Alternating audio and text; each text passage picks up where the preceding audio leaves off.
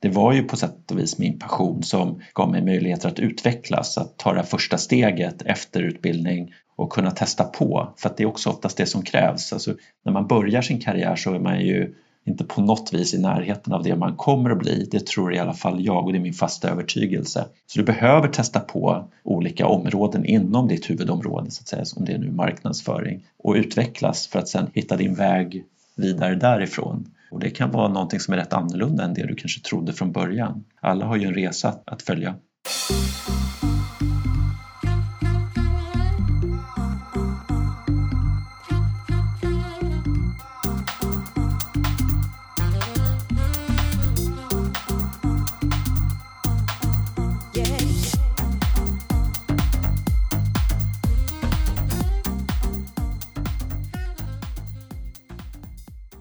Välkommen tillbaka till Digital marknadsföring med Tony Hammarlund. Det här är en podd där jag intervjuar branschexperter och marknadsförare för att lära mig mer om digital marknadsföring. Mitt mål med podden är att bli en bättre marknadsförare och samtidigt dela med mig av intressanta samtal med några av Sveriges bästa marknadsförare.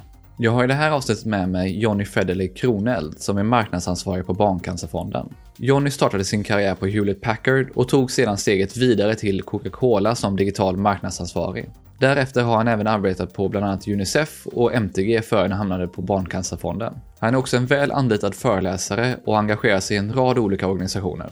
Vi inleder med att prata om hur Johnnys karriär startade på Hewlett Packard där han gick från marknadskoordinator till digital marknadsansvarig. Johnny berättar efter det han tog steget vidare till Coca-Cola och hur det är att arbeta på företaget. Han berättar även hur det var att arbeta med den välkända kampanjen Cherry Coke. Vi pratar sedan om hur han hamnade på Barncancerfonden och hur hans roll som marknadsansvarig ser ut. Han berättar även om sitt marknadsteam och hur samarbetet med olika byråer ser ut. Jonny förklarar självklart också hur Barncancerfonden som non-profit arbetar med digital marknadsföring. Du får även höra hur man arbetar med marketing mix modeling, den prisvinnande kampanjen Barn och cancer hör inte ihop och hur Jonny skulle göra om han startade om sin karriär idag. Du hittar som vanligt länkar till alla resurser som nämns i intervjun i poddelägget på tonyhammarlund.io, så du behöver inte anteckna. Efter länkarna i poddenläget så hittar du även tidsstämplar till olika sektioner i intervjun. Men nu kör vi igång. Johnny börjar med att berätta om hur han startade sin karriär som marknadsförare på amerikanska Hewlett Packard. Den börjar definitivt på eh, Hewlett Packard, HP. Och det här är när jag är ungefär 25 år gammal och kommer in och blir rekryterad som marknadskoordinator på HP. Det är ett stort bolag som de flesta känner till såklart. Så att det fanns väldigt mycket att se och lära sig av. Jag kommer ihåg när jag först kom in där att jag tänkte att det här bolaget är enormt. Bara i Frösundavik så satt ju vid det tillfället ungefär 1500 personer på Sverigekontoret. Så då förstår du. Och då har vi inte räknat med återförsäljare och alla som på något vis är en del kopplat till det här navet så att säga, som utgör den här IT-jätten och, och ikonen. Men hur var det att komma in på HP vid den tiden då? Väldigt kreativt. Ehm, det var en av de sakerna som jag uppfattade direkt. Det var ju otroligt stor organisation med mycket kreativa talanger och människor som verkligen drevs av att eh, ja, men göra skillnad, åstadkomma skillnad helt enkelt på sitt sätt inom techvärlden. Och många avdelningar också som jobbade inom olika, olika delar, inom servrar, inom datorer, skrivare, olika typer av IT-funktionaliteter och IT-lösningar. Så otroligt spännande och också väldigt booming business. Så att det fanns otroligt mycket att göra. Mitt jobb handlade mycket om att kommunicera med våra partners, alltså att kommunicera via en kommunikationsportal, att förse dem med material som de behövde för att kunna marknadsföra produkterna och också föra ut HPs budskap till slutkonsumenter och företag. Du var ju kvar på HP under ganska många år där, så hur gjorde du karriär inom bolaget? Ja, jag var där i åtta år och det är en, det är en lång tid. Men jag trivdes otroligt bra där. Och det var inte så, eller jag upplevde det inte som att det var svårt att göra karriär för att jag har alltid varit väldigt nyfiken av mig, visat framfötterna och är en väldigt sprallig och personlig person kan man säga. Och, och alltid liksom velat göra nytt, åstadkomma nytt. Så att det öppnades upp dörrar och man har alltid varit väldigt positiv på HP som jag upplevde det till att folk ska utvecklas och kunna gå vidare inom sina karriärer. Så kort därefter så började jag jobba mer med onlineförsäljningen och digitala marknadsföringen för att utveckla den delen. Och det var otroligt spännande just för att jobba med de digitala insatserna inom kommunikationen. Men med det så kommer man ju också nära varumärkesarbetet, det blir mycket som ska kommuniceras och många som får upp ögonen för en när man gör den här typen av innovativt arbete inom en så stor organisation. Så även mycket kopplat till PR och mycket samverkan med övriga delar inom både kommunikationen men också övriga större delar inom HP. Så vi fick göra väldigt spännande saker just kommunikativt kopplat till försäljningen, framförallt online då. Sen får man komma ihåg också att i och med att HP var en organisation som var otroligt fokuserad på sina återförsäljare och är än idag så var det väldigt spännande att komma in och börja prata direktförsäljning också, för det var ju det vi gjorde när vi startade upp onlineförsäljningen. Så både att boosta återförsäljarna men också att hitta nya vägar till försäljning och marknadsföring. Ja, men det är häftigt att kunna vara med på den resan så pass tidigt och börja jobba med det digitala då. Mm, absolut. Och vi fick väldigt mycket frihet att göra genomföra mycket aktiveringar och kampanjer så vi hade ju mycket samarbeten, till exempel Blog Awards med Veckorevyn för att nå en yngre målgrupp. Eh, vi genomförde också HP Summer Camp, sommarkollo med fokus på gamingdatorer. Vi jobbade mycket med att påverka också beslutsfattare såklart närvara i eh, Almedalen till exempel. Mycket insändare för liksom att berätta om det arbetet som HP utför eh, inom IT-sektorn Eh, och hur det kan påverka och hur det kan stötta såklart business. Så det var väldigt spännande. Jag sprang verkligen mellan en rad olika ska man säga, områden inom HP och allt vad det innebar. Vilket, ja, det var en väldigt spännande tid. Det var också en väldigt kort period var jag i Palo Alto tack vare just HP Summer Camp, det projektet som nominerades inom HPs globala organisation till ett marknadsföringspris. Så det var jätteroligt. Ja, men det är häftigt. Vad var det som fick dig att gå vidare sen från HP?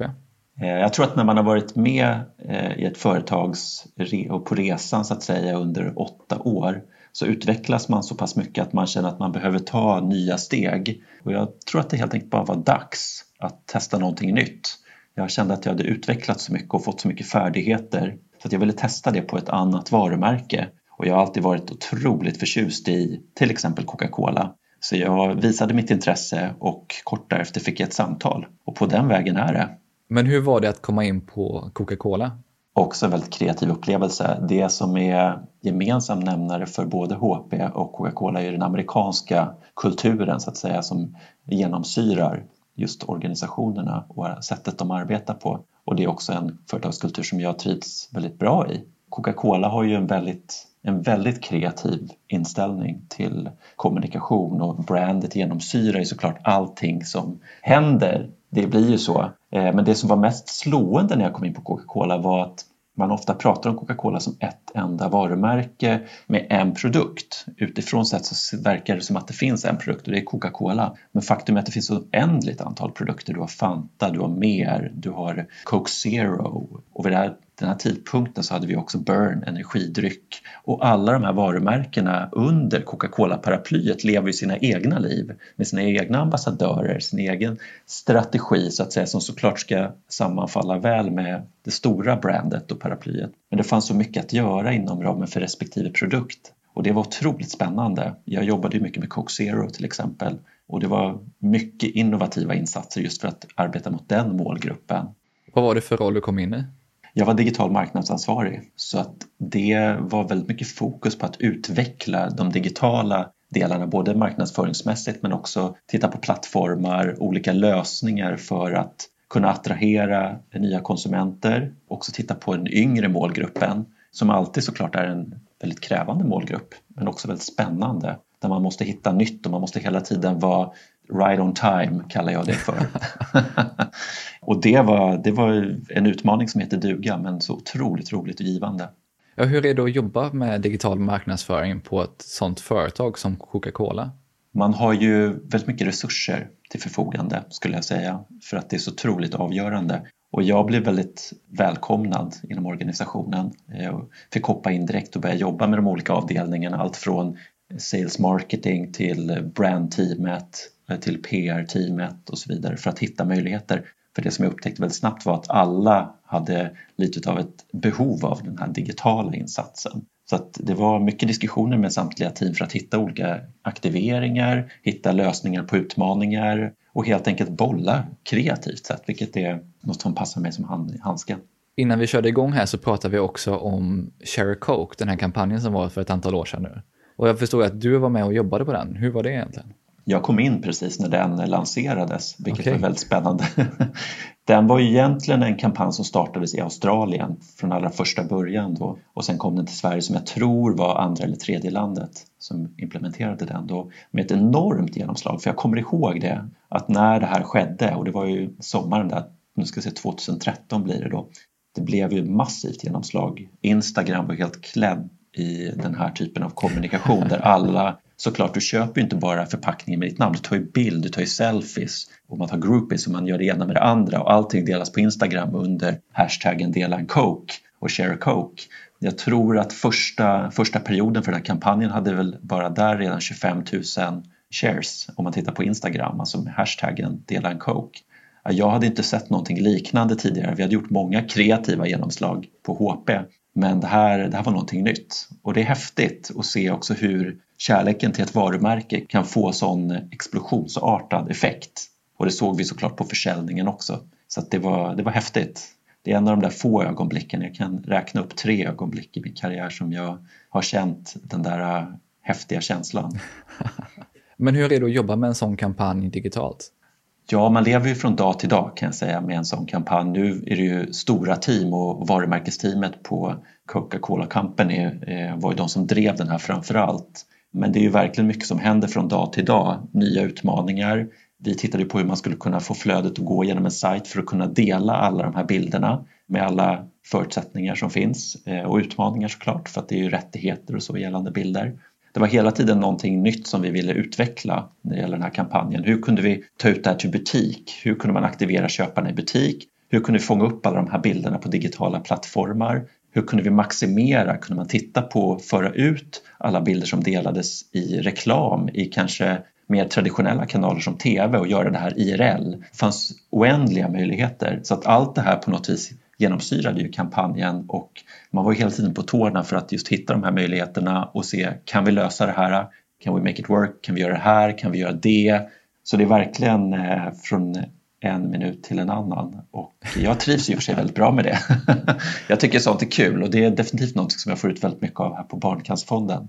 Nej, men jag kommer ihåg just att det var en kampanj som inte bara var vid ett enda tillfälle utan det var någonting som spanns vidare på under ganska lång tid. Absolut. Eh, den åter uppfanns kan man säga eller utvecklades och eh, vi repeterade den kommande år också och fortsatt så i och med att den var en sån succé och det var väldigt tydligt utifrån reaktionerna att konsumenten också ville se mer av den. Vad har du tagit med dig från tiden på HP och Coca-Cola?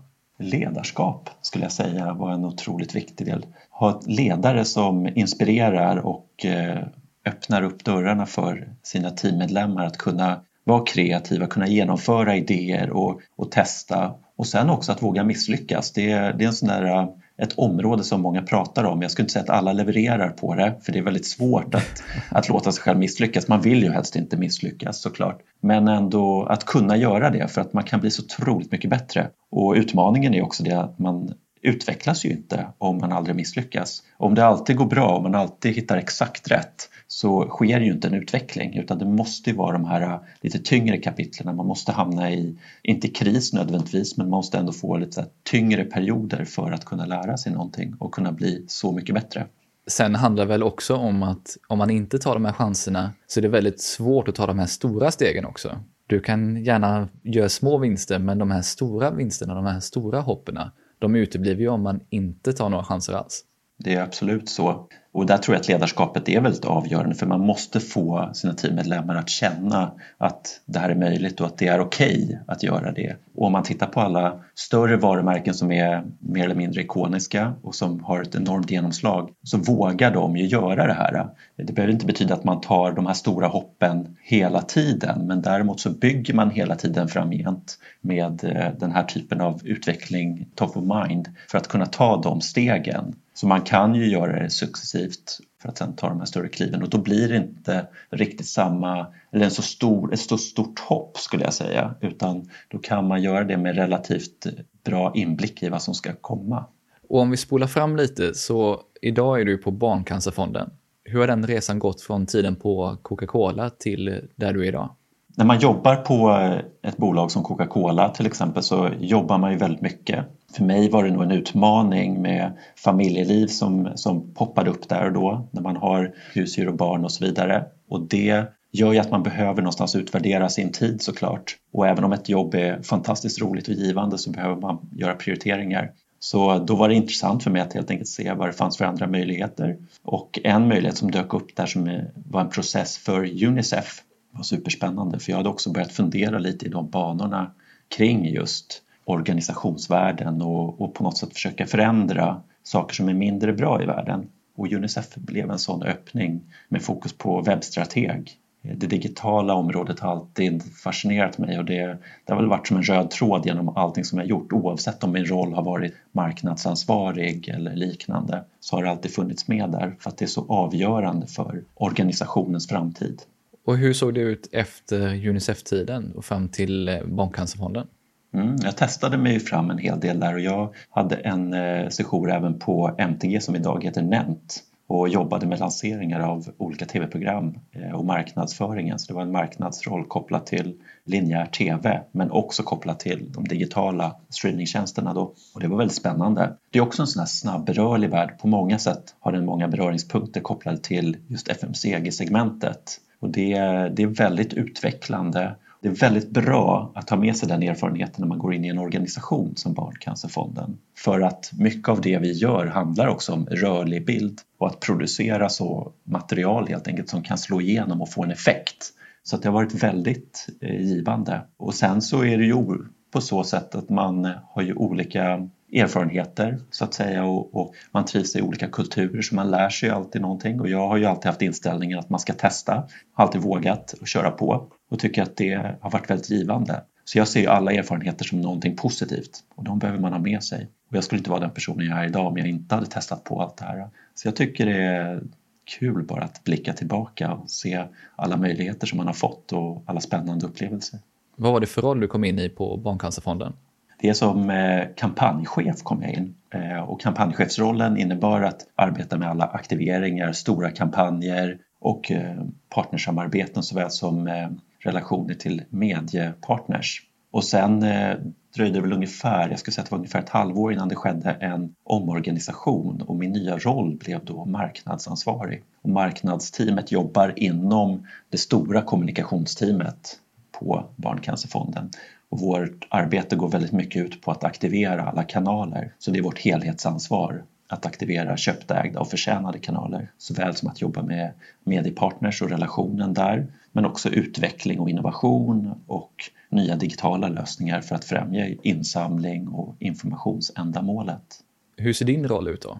Ja, min roll är rätt så fokuserad skulle jag säga på just den här biten med medierelationer, i den form att det är mediepartner som vi jobbar med. Man får komma ihåg att vi har ett otroligt stöd från mediepartner som TV4, Clear Channel, Discovery Networks och Filmstaden till exempel som gör otroligt mycket för oss och i kampen mot barncancer. Till exempel så är 75 procent av vårt totala medievärde är ju gratis när man räknar på en media investment.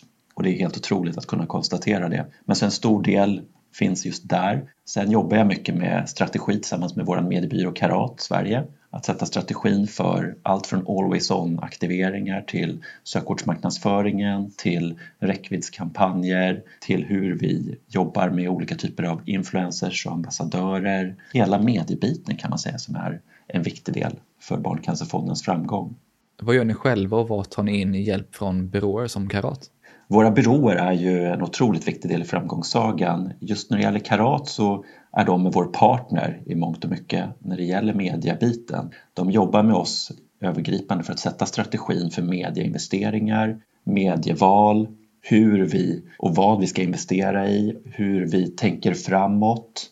Alltså Media Investment Management finns med på den delen, men också ekonometrin kopplat till alla våra medieinvesteringar. Varför investerar vi i vissa mediekanaler och plattformar? Vad vill vi uppnå med det? Har vi rimliga målsättningar? Och hur når vi de här målsättningarna är otroligt avgörande. Och de samarbetar också väldigt nära tillsammans med vår reklambyrå Garbergs som är den kreativa kraften så att säga i samarbetet eh, och där jobbar vårt varumärkesteam väldigt nära eh, med just Garbergs och produktionen som sker. Så allting som man ser i räckviddskanaler är ju Garbergsproduktionen då som tas ut i samarbete med Karat.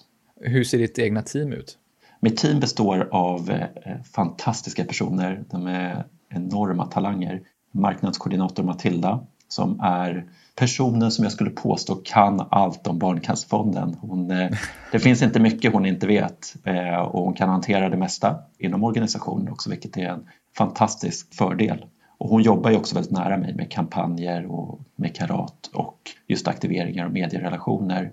Och sen har vi Hans Kulin som är vår social media Wiz. Han är ansvarig för allting som har med sociala medier att göra från aktiveringar och strategi till innovation. Han har också Matildas hjälp i arbetet med sociala medier.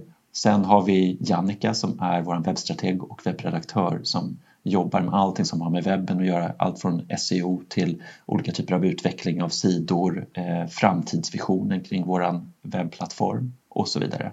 Fördelen med vårt team är ju att vi verkligen har touchpoints inom alla delar av organisationen och kan åstadkomma positiv impact genom att erbjuda vår kunskap och kunna göra positiva tweaks för att åstadkomma de målen som vi har satt.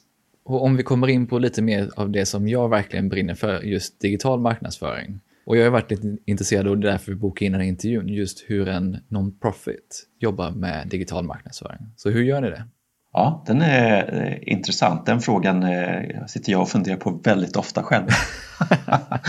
eh, nej, men jag tror att det som är, är, viktigt att förstå med digital marknadsföring är att vad vi vill åstadkomma är ju vi behöver ju ha plattformar som på något vis alltid driver våra budskap och, och jobbar för våra målsättningar. Så vad vi har lagt ut egentligen en platta av always on aktiveringar som är digitala, vare sig det gäller social media eller display, som jobbar för vår sak, till exempel för att driva insamling, alltså prospecting, retargeting. Sen har vi aktiverade mattor med sökordsmarknadsföringen som finns för att jobba både varumärkesmässigt men också insamlingsmässigt. Vi jobbar utöver det också med native advertising som ofta ligger som mattor med informationsändamålet i eh, som en huvudpoäng kan man säga. Sen hjälper även Native till att driva insamling. Det har vi märkt genom att genomföra attributionsrapporter. Men alla de här aktiviteterna på något vis driver ju informationsändamålet och insamling och Barncancerfondens närvaro på marknaden. Och det är jätteviktigt för att Barncancerfonden har ju inte samma everyday urgency kallar jag det för som kanske övriga organisationer har. Om man tittar på Unicef eller liknande organisationer så sker ju en kris eller en katastrof nästan varje dag och då uppmärksammas det av media. Det har inte Barncancerfonden på samma sätt. Och samtidigt så blir det väldigt intressant för att tittar man på statistiken så drabbas ju ett barn varje dag av cancer idag. Och det är faktiskt den vanligaste dödsorsaken för barn som är i åldern 1 till 14 och det vet inte alla. Så att det är väldigt Eh, avgörande för oss att hela tiden ha en exponering och det gör vi genom att aktivera de digitala kanalerna. Sen kopplar vi såklart på med digitala aktiveringar i form av sociala medier där vi har en ständig närvaro och jobbar med engagemang. Eh, informationsändamålet finns med även där. Vi driver ju en insamling som har blivit lite av en bonus med Facebook Donations. 2018 samlade vi in över 27 miljoner kronor på Facebook Donations enbart, eh, vilket var helt otroligt. Och där är ju engagemanget som Hans och teamet har jobbat så otroligt noggrant med och åstadkommit fantastiska resultat. Men det var ju ingenting som vi kunde förutse. Så att eh, det digitala öppnar ju de här möjligheterna hela tiden och det är därför så viktigt att vara närvarande där. Ni var väl väldigt tidiga just på Facebook Donations? Ja, vi var absolut bland de första ut. Det är typiskt för Barncancerfonden också och, och, våra team att vi, vi gillar att vara ut först. Vi gillar att testa saker. Vi är lite som ett busigt lilla syskon som gillar att eh, testa nytt och vara innovativa och se vart det kan leda. Det är också därför som vi har en viss procent innovationsbudget som vi investerar i nya aktiveringar och nya plattformar och så vidare. Bara för att se vad det kan leda någonstans och ser vi att det kan ge ett resultat, ja då accelererar vi. Har du några fler exempel förutom just Facebook här som ni har jobbat med inom det här med innovation? Det finns ett väldigt intressant samarbete som vi gör tillsammans med Klarna just nu där vi tittar på betallösningar både för enskilda gåvor och för månadsgivande som kommer att lanseras här inom kort där vi har genomfört tester. Ganska passande nog eh, när den här podden släpps skulle jag säga.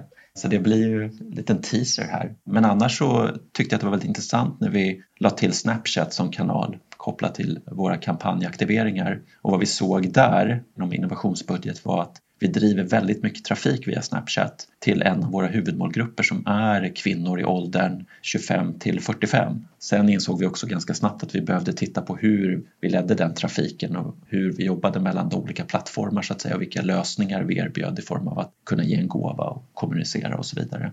Men otroligt givande trafikmässigt. Vilka kanaler är viktigast för er idag då? Måste jag välja en? ja, du kan få nämna fler.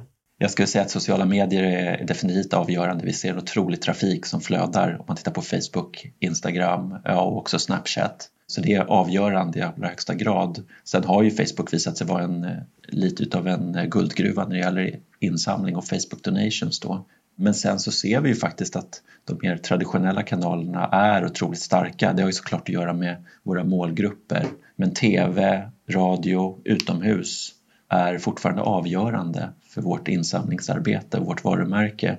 Sen är det också kombinationen. Det är lätt att prata om digitala plattformar, det är lätt att prata om digitala aktiveringar och kanske mer traditionella kanaler men faktum är att de samverkar. Vi hade ju till exempel en kampanj för några år sedan när vi hade väldigt mycket utrymme och också fillers via Clear Channel utomhus under den sommaren. Och då hade vi också en stor aktivering i sociala medier, främst på Facebook. Och vi såg ett rekord i insamling under den sommaren och också fortsatt att aktivera i den formen. Där var det tydligt att konsumenter och potentiella givare då såg vårt budskap utomhus. De agerade inte direkt på det utomhus, men sen hände det någonting i sociala medier med Facebook Donation som explosionsartat drev in gåvor och också drev trafik till våran plattform på webben. Så att det finns ju synergier däremellan och det är otroligt viktigt att utvärdera och analysera just hur olika kanaler samverkar, vare sig det är genom attributionsmodellering eller via just till exempel MMM, Marketing Mix Moduling, som vi har jobbat en hel del med också och som jag är säker på att vi kommer att prata om. Vi pratade om det tidigare, så jag tänkte faktiskt att vi skulle ta upp det lite senare här. Men först så är jag lite intresserad också just hur insamlingen faktiskt sker idag. För insamlingar via Facebook har jag ju sett och Klarna nämner det här liksom kommande samarbete, men hur sker insamlingen vanligtvis? Insamlingen sker till stor del, skulle jag säga, under större kampanjer som vi aktiverar. Vi har ju tre till fyra räckviddskampanjer under året som vanligtvis sker under våren. Vi har barncancermånaden september där vi genomför stor aktivering och aktiverar och kraftsamlar i kampen mot barncancer. Och vi har också Barncancergalan och den sker oftast i slutet på september. I år är den 28 september på kanal 5 där Discovery Networks är en otroligt stark partner i arbetet framåt. Sen har vi det stora som är julkampanjen som är både en privat insamlingskampanj såväl som en företagsinsamlingskampanj. Så där har vi egentligen de stora nedslagen då och sen kopplat på det har vi Always On-aktiveringar där det sker ett konstant arbete. Men det är egentligen bara en del av sanningen skulle jag säga för sen har vi också det arbete som analysteamet genomför där man jobbar med relationen till våra månadsgivare, alltså barnsupportrar för att få dem att bli fler men också för att få dem att ge mer och det sker också mycket via mejlutskick. Det är ett helt maskineri där av kommunikation. Utöver det så finns ju andra avdelningar som insamlingsavdelningen och företagsinsamling som jobbar med of Hope-eventen, alltså idrottseventen från Run of Hope till Walk of Hope Swim of Hope, Yoga of Hope, till och med Stream of Hope som vi testade förra året där vi samarbetade med över 20 stycken streamers, alltså kreatörer som hjälpte till att samla in och det blev jättefint resultat insamlingsmässigt såväl som uppmärksamhetsmässigt. Så det är någonting vi kommer att repetera. Så vi får vara kreativa där också. Det, det finns otroligt mycket möjligheter. Jag skulle säga att det är många bäckar små som utgör vår insamling. Ja, men det är jättehäftigt att höra just hur många kanaler och hur många aktiviteter ni faktiskt har och gör. Att det inte bara är, som många kanske ser, Barncancergalan och ser det ni gör i sociala medier, utan att det är så väldigt mycket mer. Ja, absolut. Ja, men sen vill man ju också addera egna insamlingar och det är egentligen en funktion som finns på vår webb där man kan starta en egen insamling och inspirera sina vänner och familj att bidra till den insamlingen. Och alla de här pengarna går såklart till Barncancerfondens arbete och barncancerforskning. Kopplat till det här har ni också ett antal ambassadörer eller influencers som ni jobbar med. Vilken roll fyller de i era olika kanaler och i insamlingen? Mm, de är otroligt viktiga i mediamixen skulle jag säga för att de bidrar med en räckvidd och har också ett förtroendekapital som är otroligt spännande att föra ut till våra givare och potentiella givare. Till exempel Camilla Läckberg, Ida Warg eh, och så vidare som jobbar tillsammans med oss och för ut kampanjbudskap, kan delta i till exempel Barncancergalan på olika sätt och eh, verkar som en slags ambassadör helt enkelt för Barncancerfonden. Det här är också väldigt intressant att notera också att det här är faktiskt någonting som de gör för att de verkligen vill stötta Barncancerfonden. De får inte betalt för arbetet utan det är faktiskt deras helt egna insats och de själva som vill bidra i kampen mot barncancer. Och det är rätt fantastiskt. Ja, men det är häftigt och eh, stor cred till dem också. Och på tal om kampanjer så gjorde ni också en riktigt häftig kampanj med det här med att barn och cancer hör inte ihop. Så hur gör ni när ni tar ut en sån kampanj på Barncancerfonden? Ja, det är en väldigt bra fråga. Det här sammanföll med en upphandling som vi hade gällande byråer. Så vi såg över just eh, våra samarbeten, vilket också är, det är en regel som vi har mer eller mindre att vi ska göra det ungefär var 50 år. Och det handlar ju om att vara på tårna och vara ajour med allting som händer och, och jobba igenom allting som vi gör i form av aktiviteter. Och då hade vi den här upphandlingen och vinnande i den här upphandlingen när det gäller reklambyråer gick ju Garbergs. Och Garbergs hade ett väldigt intressant förslag kring ett kommunikationskoncept som var just barn och cancer hör inte ihop. Nu är det ju så här att den här typen av mekanik, just att dela ordet, dela på barn och cancer, för det är den mest onaturliga ordkombinationen som finns i det svenska språket, om du frågar mig, har ju funnits hos Barncancerfonden ett tag. Eh, jag har ju hört det från olika kollegor att man har liksom funderat lite kring det där. Så det passade otroligt väl när Garbergs kom med den här idén och det kändes klockrent att se vad vi skulle kunna jobba vidare med kopplat till den. Och den har ju verkligen medfört eh, en rad kreativa möjligheter när vi lanserade kommunikationskonceptet.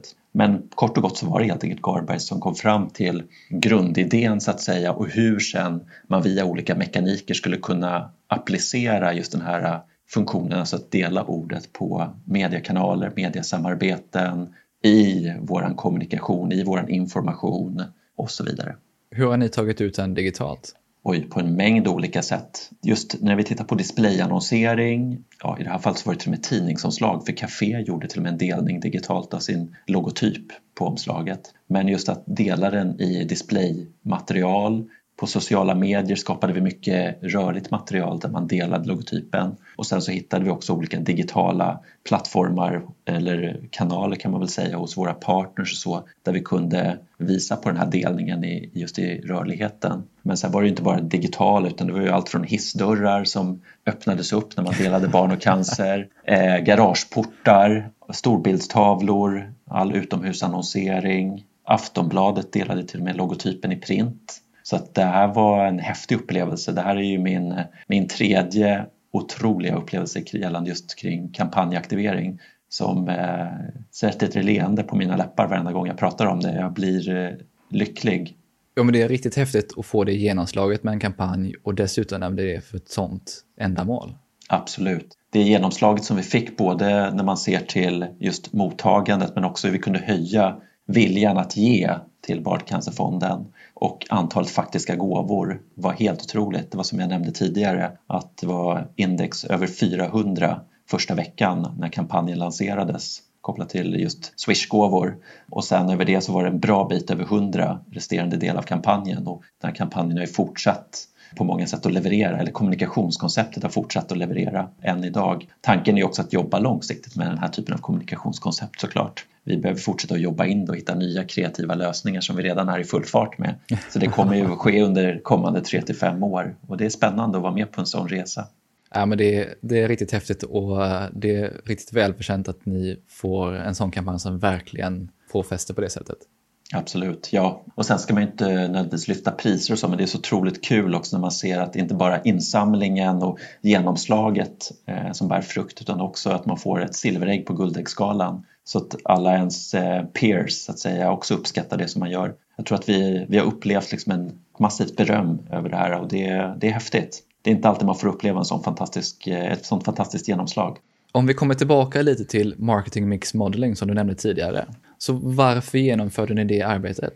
Alltså i grund och botten, när man pratar om marketing mix modeling och det rätta ordet är ju egentligen ekonometri för MMM som vi kallar det är ju mer disciplinen inom marknadsföring kopplat till ekonometri. Alltså man vill ju hitta en metodik för att förenkla och förklara sånt som är komplext, alltså hur kan vi koppla samman gåvor av olika slag till olika kanaler och aktivering av de här kanalerna inom marknadsföringen. Så vi vill ju kunna göra det här enkelt och, och ska man säga, lättförståeligt. Det finns ju ett antal argument såklart för att göra det här.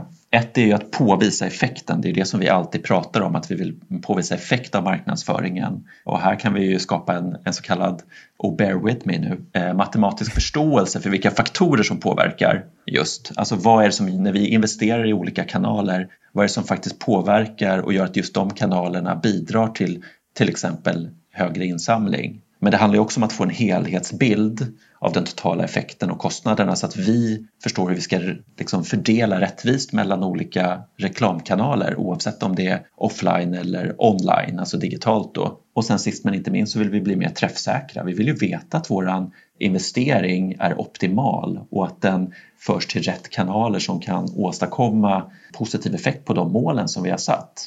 Sen skulle man kanske kunna addera också att eh, det handlar om att förstå sig på just sånt som vi kanske inte kan påverka. För det finns ju mycket vi kan påverka när vi driver de här kanalerna. Och sen finns det saker som inte alltid kan påverka som till exempel år 2020 nu när vi upplever covid.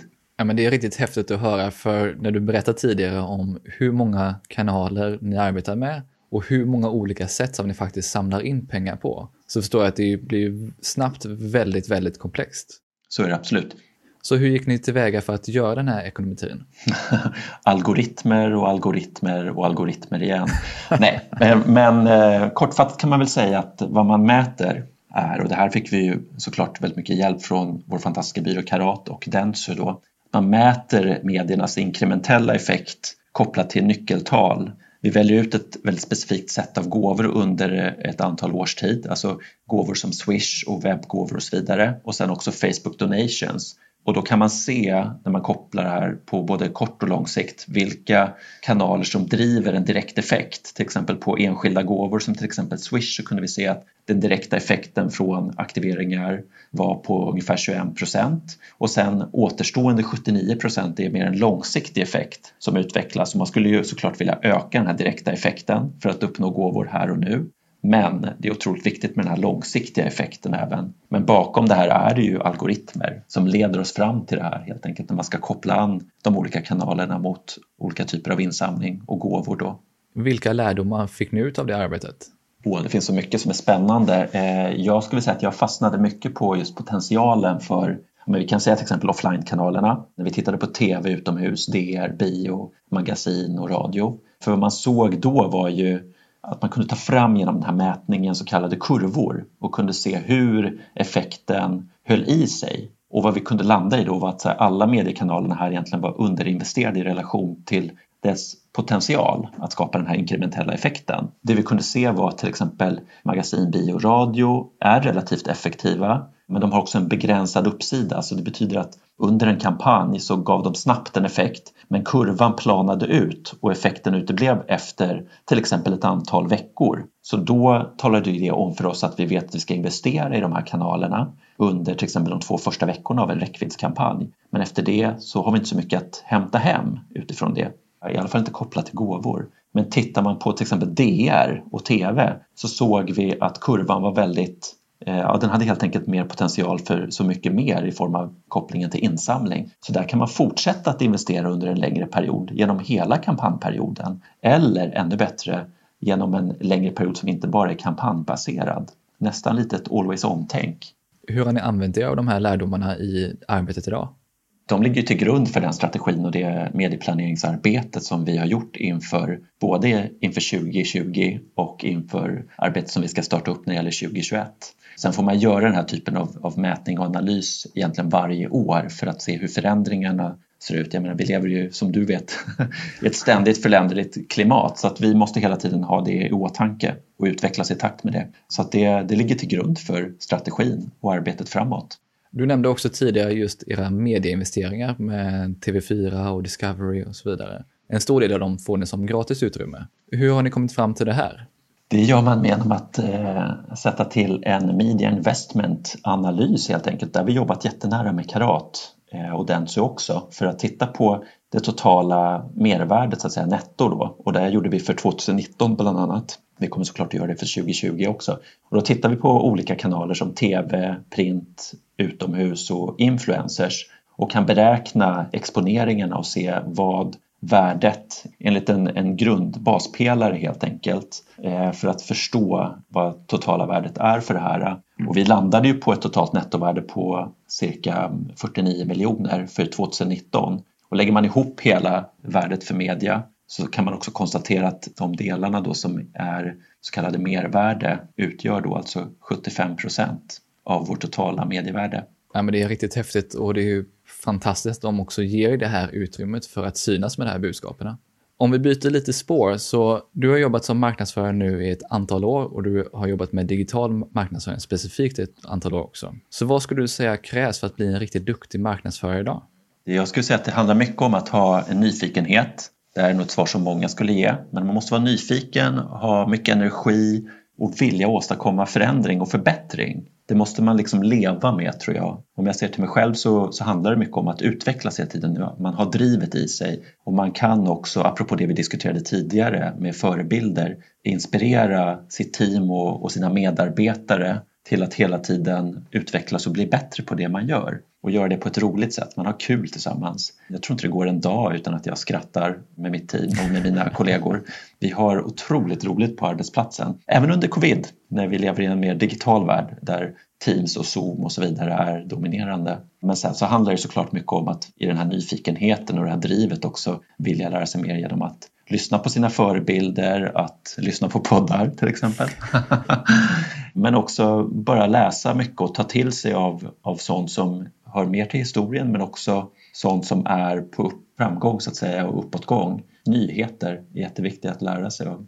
Du nämnde lite det här med att hålla sig uppdaterad och lära sig mer och läsa och lyssna på poddar. Så. Hur gör du det själv?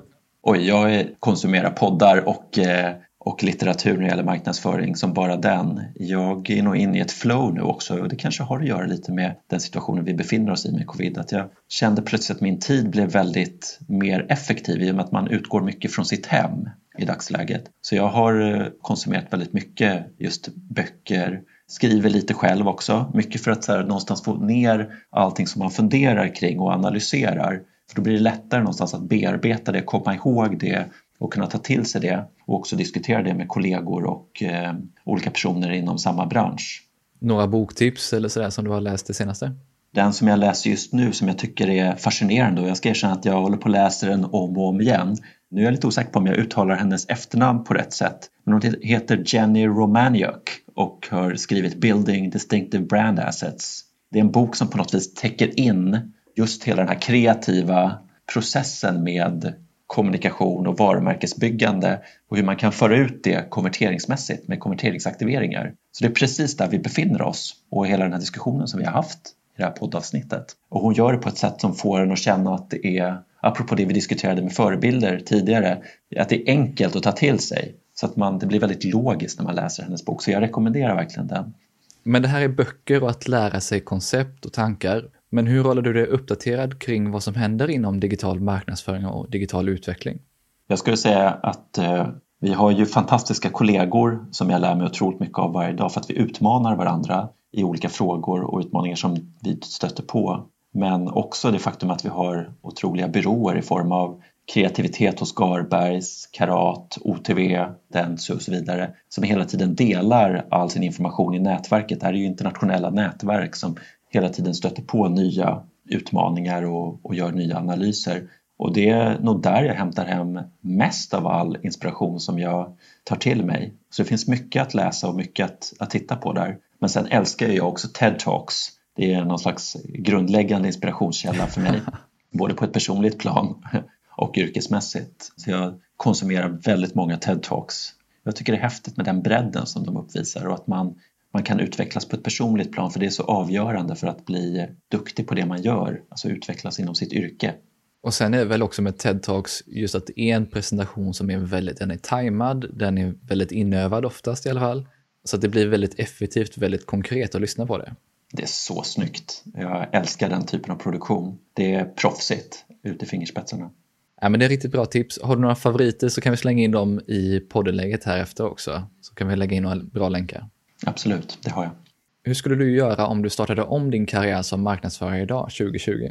Det blir nästan lite tråkigt svar på den frågan men jag skulle nog eh, vara väldigt noga med min utbildning och hitta en utbildning som hade en kreativ inriktning när det gäller marknadsföring för att förstå hur man sammankopplar business med marknadsföring. För det är också en sån här uh, fråga som dyker upp väldigt ofta. Jag tror att man kanske inte tänker på det men marknadsföring och kommunikation handlar ju ofta om att på något vis föra fram en produkt eller flera produkter oavsett om det är insamling, ett informationsändamål, en dator eller en dryck.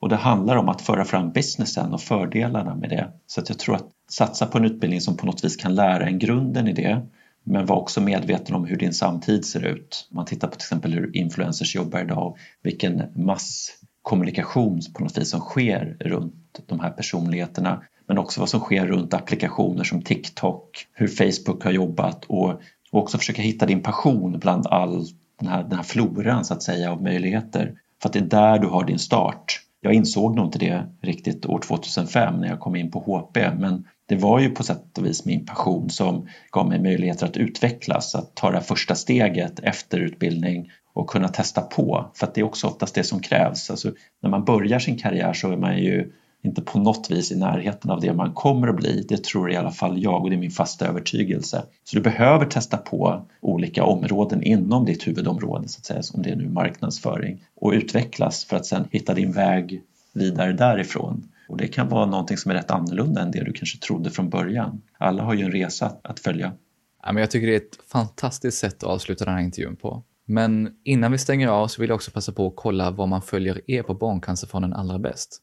Jag skulle rekommendera att vi följer vår Facebook-kanal. Hans och teamet gör ett fantastiskt arbete där och där hittar man alltid det senaste. Man kan också följa oss på Instagram. Det är bara att söka på Barncancerfonden så kommer man att hitta allt det senaste. Är man sportintresserad skulle jag också söka på våra Hope-event, till exempel Run of Hope och Walk of Hope, Yoga of Hope och följa där och eh, varför inte delta i något av våra event som sker? Även om det också är väldigt digitalt fokuserat ett år som 2020 så finns det väldigt mycket man kan göra i kampen mot barncancer. Sen finns såklart alltid vår webb också, barncancerfonden.se. Där hittar man alltid det senaste. Och var följer man dig då? Mig följer man på LinkedIn skulle jag säga. Men jag har ju å andra sidan en rätt avslappnad inställning till Facebook så att jag släpper in många på Facebook också för att jag tycker att det är så pass intressant kanal. Jag eh, gör inte en jättestor skillnad faktiskt mellan Facebook och LinkedIn idag utan jag ser Facebook som en rätt öppen kanal och jag tror att man kan inte vara helt dold heller på Facebook så jag känner att det är lika bra att öppna upp den kanalen på många sätt och dela med sig av privat såväl som yrkesmässiga minnen och upplevelser i stort. Man kan ju vara personlig men inte privat så man kan liksom särskilja det där lite och det funkar alldeles utmärkt på både Facebook såväl som LinkedIn. Stort tack för idag Jonny. Tack så mycket, det var ett nöje. Jonny är en otroligt inspirerande person som tillsammans med sitt team på Barncancerfonden verkligen gör skillnad för så många barn. Men jag tyckte också att det var häftigt att få höra mer om hur det var att jobba på Coca-Cola och med kampanjen Share a Coke. Eller för den delen den prisvinnande kampanjen Barn och cancer hör inte ihop. En kampanj som slagit rekord i insamling. Riktigt inspirerande. Här är tre av de främsta sakerna som jag tog med mig från vårt samtal. 1. Att digital marknadsföring för en non-profit som Barncancerfonden, som samlar in på många olika sätt, snabbt blir väldigt, väldigt komplext. 2. Hur otroligt viktigt det är att våga misslyckas som marknadsförare och att som chef ge utrymme för det. Och 3. Att få höra hur Jonny skulle göra om han startade om sin karriär som marknadsförare idag. Jag vill gärna höra dina tankar och vad du tog med dig från avsnittet, så skicka gärna ett meddelande eller en kontaktförfrågan på LinkedIn. Du hittar som vanligt länkar till de resurser vi nämnde i poddeläget på tonyhammarlund.io, plus några av Jonnys favorit TED-talks. Och har du några frågor till Jonny så kan du ställa dem i kommentarerna direkt in i poddeläget. Gillar du det här avsnittet och podden så vill jag som vanligt påminna om att prenumerera och tipsa gärna andra om podden. Avslutningsvis vill jag passa på att tacka Mikael på Music som hjälper till med att producera den här podden och stå för musiken. Vi hörs snart igen med fler intressanta gäster och ämnen.